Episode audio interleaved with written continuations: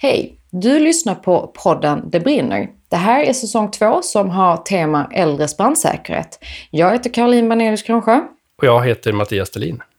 I det här avsnittet så pratar vi om hur vi bygger våra bostäder och hur byggreglerna tar hänsyn till äldres behov av brandskydd. Och dessutom så kommer vår gäst Anders Johansson, som har haft flera egna bränder, att berätta om dessa.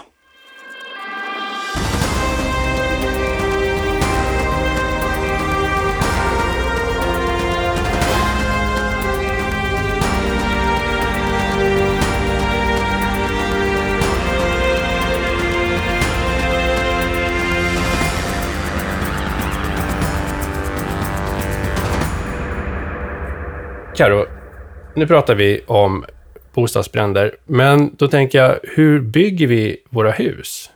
Och eh, det finns ju byggregler som styr det. Och då undrar jag också, finns det regler där som tar särskild hänsyn till äldre människor? Mm. Visst är det intressant. Och en bra fråga. Eh, och när ska vem bo i vilken typ av bostad i så fall? Vi har med oss Anders Johansson från Boverket som gäst i det här avsnittet för att diskutera de här frågorna. Anders, välkommen! Tackar! Först av allt Anders, vem är du? Ja, jag är eh, brandingenjör och eh, har jobbat på Boverket till och från i alla fall sedan eh, slutet av förra seklet. Varit brandkonsult också en period däremellan. Podden heter Det brinner. Då vill vi veta, har du haft en brand någon gång? Så det tror jag nästan alla har haft. Det är bara det att man tänker inte på att eh, de flesta bränder liksom släcks i ett så tidigt skede att man eh, har glömt bort det nästan dagen efter festen. Men du kommer ihåg din eller dina? Ja, den senaste var kan man säga lite lustig för då brann det i min sambos häck. Det var på, eh, på halloween här eh, som hon eh, hade en lite väl eldfängd kjol och backade in i ett eh, levande ljus. Och det klarade ni av att släcka själva? Ja, det kom en munk och klappade henne på rumpan faktiskt. han, han bad om ursäkt sen att eh, han inte hade bett om tillåtelse men jag tror inte metoo räknas i, i det fallet. Sen tror jag inte det var en riktig munk heller. ja, det var ju bra. Men det, det, det gick bra för din sambo. Hon, eh, hon fick inga brännskador så, utan det blev en mindre, mindre klädskada. Ja, det blev en mindre klädskada för han var snabb där, munken. Ja, det är bra det. Hade du några fler bränder? För du sa att det här var din senaste. Ja, en som faktiskt har involverat dig lite var att samma nämnda sambo skulle prova tricket att göra mikropopcorn i en kompostpåse med olja men hade lite för liten mikro så att det började brinna i den. Så att det, eh, är sånt som kan hända. Senast var nog faktiskt att vi hade tillbud också med ett eh, adventsljus där vi hade en fin liten röd gris som eh, bland annat gästerna kommenterade. Ja, den var väldigt fin, alla våra har blivit brända med åren. Ja, det är så vanligt. Bara vi samma kväll glömmer ljuset i så den blev bränd så vi fick ha lackat om den nu i sån Batman-svart istället. Ja, det, är, det är skönt att höra att det är vissa som kommer ihåg sina bränder. Jag, jag var tvungen att tänka lite eh, innan jag eh, kunde komma ihåg mina egna. Byggregler är någonting som Boverket skriver. Och brandskyddsregler är en del av hela byggregelpaketet. Och där finns det regler för vilket brandskydd vi ska ha i våra bostäder. Vilket brandskydd är det vi ska ha i en vanlig bostad, Anders? Ja, vi har ju ganska låga krav på brandskydd i bostäder, även om folk kanske inte tänker det när de tänker på svensk säkerhet. Men eh, egentligen det enda skydd man har är ju dels det här att bostaden är en egen brandcell, det vill säga att man ska liksom vara skyddad och, eh, om det brinner hos grannen främst då.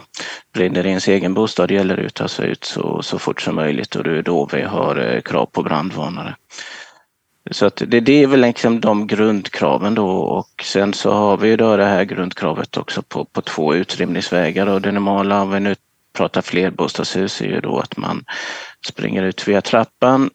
Men om det då är rökfyllt för att det just brinner kanske hos en granne då har vi det här alternativet att man kan bli räddad via fönster eller balkong eller så i ett eh, senare skede av räddningstjänstens eh, stegutrustning. Och, och, samma sak om man då bor i ett småhus. Eh, då, då gäller det ju bara att ta sig ut egentligen men eh, eh det kan ju finnas eh, småhus i flera plan och eh, om man då inte kan springa ner genom röken då ska det i alla fall finnas tillräckligt stora fönster på plan två så man kan hoppa ut utan att det är alltför högt och så vidare. Så att det är inte jättehöga krav just på brandskydd i bostäder. Just det. Men sen så finns det ju också andra verksamheter. Byggreglerna pratar om verksamhetsklasser och då finns det verksamhetsklasser just för eh, särskilda boenden. Om vi börjar med att ringa in, vad är ett särskilt boende? Ja, det som vi idag kallar för särskilt boende, det handlar ju egentligen då om eh, de här behovsprövade boendena, alltså för personer som har någon form av eh, fysisk eller psykisk funktionsnedsättning. Så det är ju inte då Eh, så att säga ordinära bostäder, eh, alltså på den vanliga bostadsmarknaden. Det är ju särskilt anpassade bostäder då för ja, demensboende och så. Där har vi väldigt höga krav på brandskydd just Eh, med både sprinkler och brandlarm och att man inte ska använda den här stegutrymningsprincipen till exempel. Men, men, det är en väldigt, väldigt liten andel. Eh, de flesta bor ju kvar hemma i sin egen bostad eh, även om man kanske behöver hjälp av hemtjänst och så vidare. Mm. Men om vi då ringar in det här med vad är en vanlig bostad?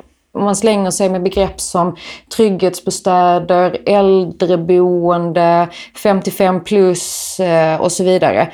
Var hamnar det någonstans och varför?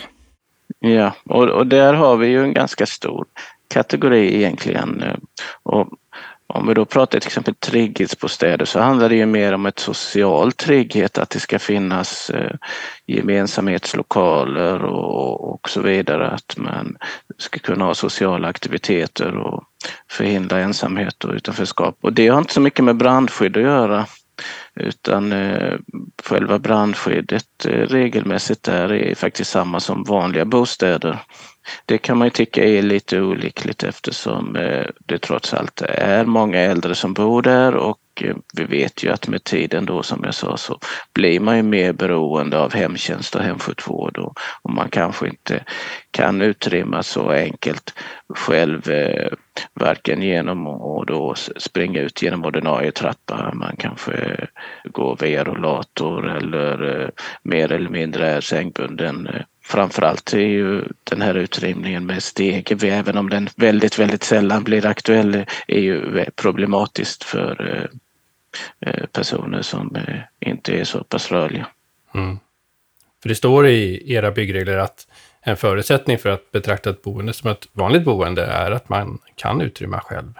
Ja, det är liksom grunden alltid att man ska ta sig ut själv det här att man kan stanna i sin brandcell och så, det är ju mer om det brinner hos grannen som jag sa, om, liksom en, om det brinner i ens egen bostad förutom de här små bränderna som vi var inne på innan som man släcker själv i, eh, i servetten på julmiddagen och så, så, så gäller det ju att ta sig ut. Mm. Mm.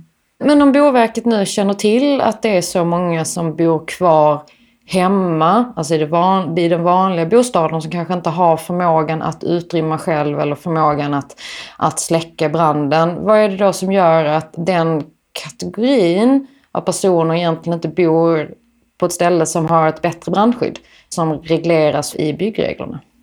Ja, det har varit ett glapp kan man säga. att eh, det, har varit eh, de här ganska låga kraven i vanliga bostäder och sen jättehöga kraven i de här särskilda bostäderna. Så att vi har ju sett att det har funnits eh, ett behov här och sen kan man ju givetvis vidta åtgärder på frivilligt skydd och vi, eller på frivillig basis så att säga. Vi pratar om individanpassat brandskydd och särskilt riskutsatta personer och så vidare som kanske räddningstjänst och socialtjänst har koll på i kommunen och man kan söka bostadsanpassningsbidrag för att få spisvakter och så vidare för att förbättra skyddet i de enskilda bostäderna.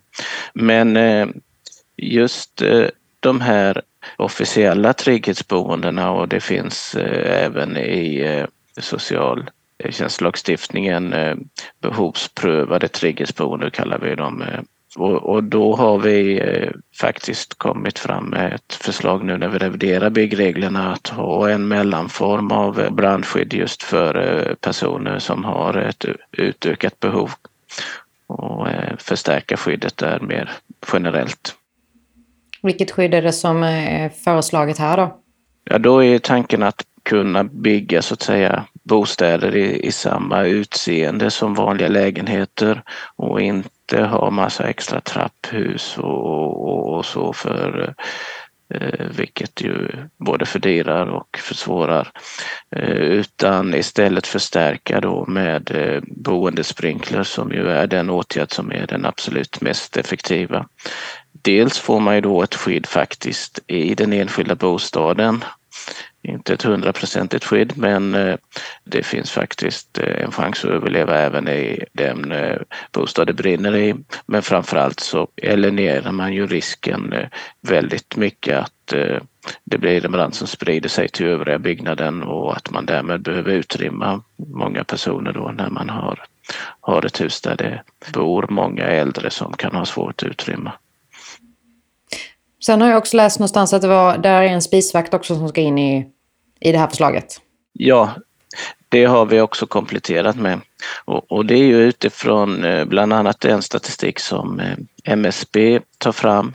Efter alla genomförda räddningsinsatser så finns det en insatsrapport som sedan eh, ganska många år då har samlat i ett centralt Eh, eh, register och då kan man få ut statistik på de vanligaste brandorsakerna och då visar det sig just att eh, den vanliga hushållsspisen är en av de allra vanligaste brandorsakerna. Man kan väl säga att eh, hushållsspis, eldstadsrelaterade bränder, sen det här med ljus och cigaretter som vi varit inne på och ja, okänd orsak också. Det är de liksom fyra stora då och av det som är någonting som Boverket kan regleras som en del av byggnaden då är det just eh, eldstäder som vi har sedan tidigare men då spisar och då har vi eh, i vårt förslag i alla fall, det är ute på remiss nu så att eh, det vet vi inte hur det kommer att, landa men där har vi föreslagit just spisvakt i den här nya formen av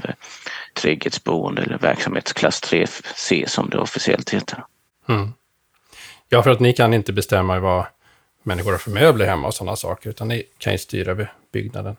Eh, jag tänkte på, men det du är inne på här nu, med eh, en egen verksamhetsklass för 3C, eh, ser ni för er att det är, kommer byggas särskilda hus som bara innehåller sådana bostäder, eller tror att det kommer kunna finnas en mix utav lägenheter i samma hus, där en del är utformade med den här brandsäkerheten, eller vad, vad ser ni för er?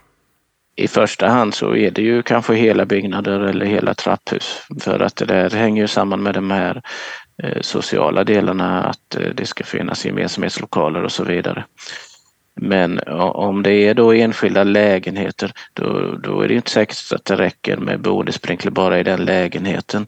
Utan man ska ju skydda liksom den här lägenheten och utrymningsvägarna och, och då får man i så fall eh, ha sprinkler i hela det trapphuset så att säga är det som, som berör den här eh, lägenheten och dess utrymningsväg. Mm.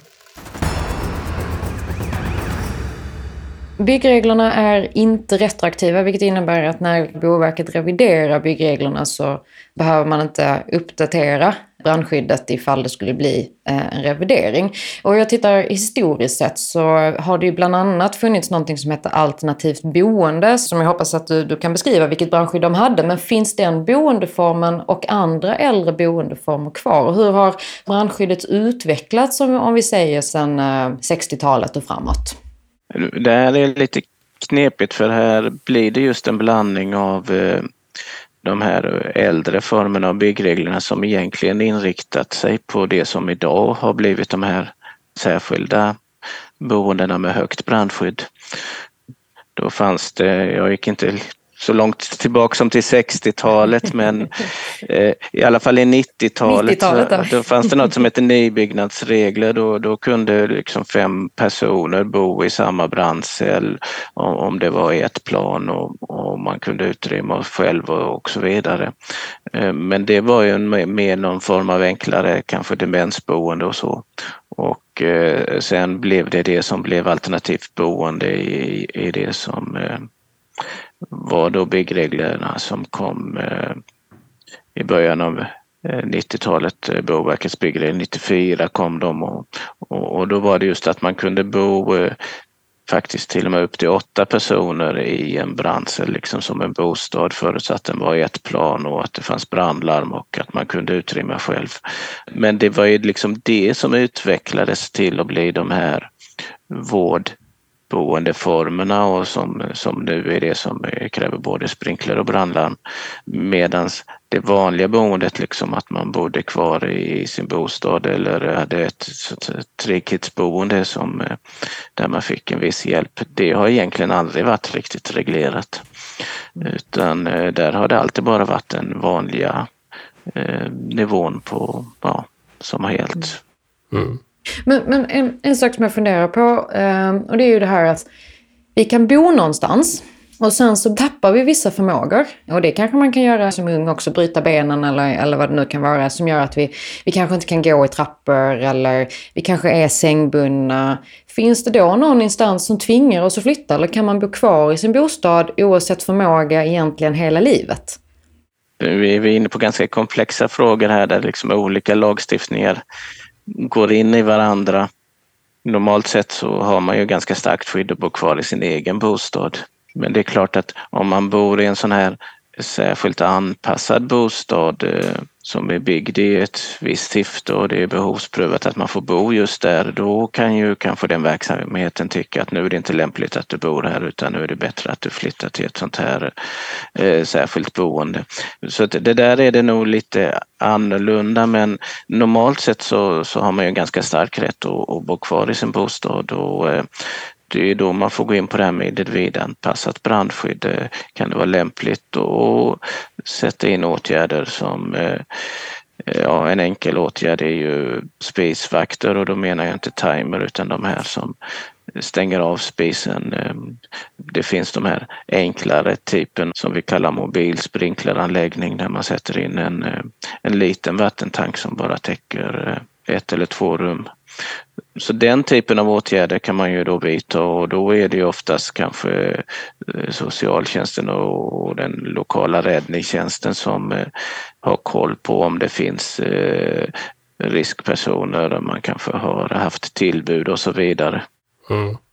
För att om man då tänker att många bor kvar i den bostad man haft länge, vi har ju ökning av det som kallas för kvarboende. Så att era regler går inte att tillämpa i efterhand på den bostaden, men kan era regler användas som en vägledning för andra lagstiftningar att eh, ta stöd av att eh, det här är rimligt för en person med den här förmågan eller det hjälpbehovet? Ja, så kan man ju se det för liksom eh, de här olika lagstiftningarna går ju lite hand i hand och samhällsutvecklingen går ju framåt och så vidare. Mer tydligt exempel så är det ju det med brandvarnare att eh, det var ju något som eh, kom in i byggreglerna så sent som eh, slutet av 90-talet. Det var en diskussion om det var en del av byggnaden och därmed det liksom eh, skulle vara med i byggreglerna eller om det anses som någon lös produkt. Men där har det också blivit så att i lagen om skydd mot olyckor har man också skrivit allmänt råd om att man ska ha, ha brandvarnare retroaktivt i alla bostäder. Så att den här utvecklingen, de tar ju hjälp av varandra och på samma sätt kan man ju se det här då om, om, om det är relativt lite högre krav på de här eh, officiella behovsprövade trygghetsbostäderna så är det ju en indikation på vad, vad den här eh, skälighetsnivån ligger även när man tillämpar eh, andra lagstiftningar och med tiden så kan ju den då liksom höjas. Annars är det ju så att byggreglerna i sig är ju inte retroaktiva utan de gäller ju främst vid uppförande av nya byggnader. Eller om man ändrar, om man gör liksom en kraftig ändring. Här har vi ett kontor som vi bygger om till ett sånt här trygghetsboende. Då gäller det det för den ändrade delen också. Just det. Jag tänkte på det, eh, bostadsanpassningsbidraget. Det är ju regler som även eh, Boverket eh, har. Och du nämnde tidigare bostadsanpassningsbidrag kopplat till spisvakt. Hur kan man tänka kring bostadsanpassningsbidraget och brandskydd? Nej, det har ju varit en diskussion om det och, eh, under ganska många år och man har inte riktigt lyckats få med det. Och, så jag har inget riktigt bra svar där. Jag tror nästan det enda sättet att, att få till någonting kan ju vara att, att försöka driva något enskilt ärende och få det liksom prövat på det viset. Så att där, där vet vi ju liksom att det, man ofta anser det rimligt att ha en spacefaktor eller motsvarande om man har någon eh, som är, är lite kanske ja, lättare demensproblem eller ja. Men eh, om man skulle till exempel kunna tycka att det är rimligt med en sån här eh, mobil sprinkleranläggning som jag pratade om tidigare. Det tror jag inte riktigt eh, prövat.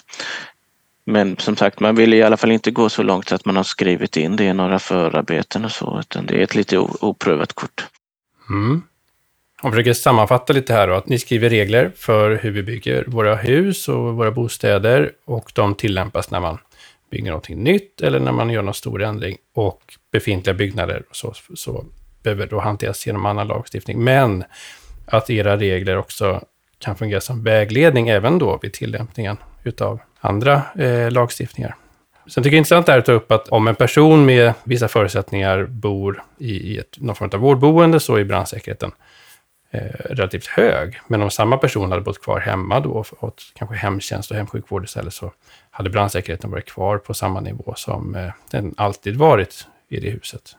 Ja, det är väl en korrekt sammanfattning. Sen så är det ju som sagt ribban för att komma in i de här särskilda boendena är och det är också behovsprövat. Liksom. Det, eh, den är också ganska hög att man ska ha någon form av behov utifrån ja, psykiska eller fysiska förutsättningar. Så det är oftast antingen kanske demens eller om det är att man är mer eller mindre sängliggande. Så att då, då ska man ju kanske inte bo kvar hemma även om många gör det och kanske till och med om man har vård av anhöriga så kan man ju bo, bo kvar hemma ännu längre givetvis. Och, mm. och det kanske är inget man vill ta ifrån folk den tryggheten. Nej.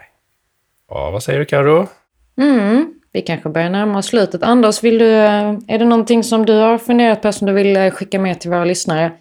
Nej, det är väl de gamla vanliga budskapen då att eh, brandvarnare är ju liksom alltid grundskyddet och eh, som äldre så är det ju mycket diskussionen om eh, hur väl man hör brandvarnaren Eh, eftersom hörseln förändras. Så att eh, man kan ju ha flera brandvarnare och en i varje rum och så vidare för att i alla fall förbättra den nivån eh, mot vad kanske hyresvärden bara har en brandvarnare i en lägenhet. Sen så är det väl också att se till att en brandvarnare fungerar och sitter i taket och så vidare. Och det, det kan ju vara ett problem med äldre att prova dem och byta batterier och att man verkligen ser till att kan få ta hjälp av någon eller är på sin hyresvärd. För det är ett riskmoment i sig bara att man går upp på en stol eller något som man kanske ska undvika om man har kommit upp i en viss ålder och med risk för fallolycka. Mm. Så, så hjälp era äldre är väl mitt eh, tips där. Gå hem till mormor och kolla om hon har batteri i sin brandvarnare. Mm. Bra avslutning. Vi tackar dig Anders för att du var med idag. Tack så mycket Anders. Ja, tack själva. Kul att få vara med. Du Karo, vad bra att Boverket har tagit fram förslag till nya byggregler som kan öka brandsäkerheten för äldre. Mm. Men det kommer först och främst att uh, handla om när man bygger nya trygghetsbostäder. Men i förlängningen så kan det även påverka våra befintliga bostäder.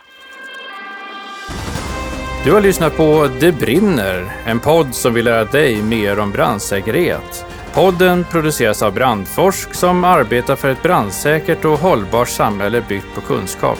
Du kan nå oss på brandfors.se. Där kan du ställa frågor till oss och komma med förslag på frågor för oss att ta upp här i podden. Och till nästa gång, kom ihåg att testa din brandvarnare.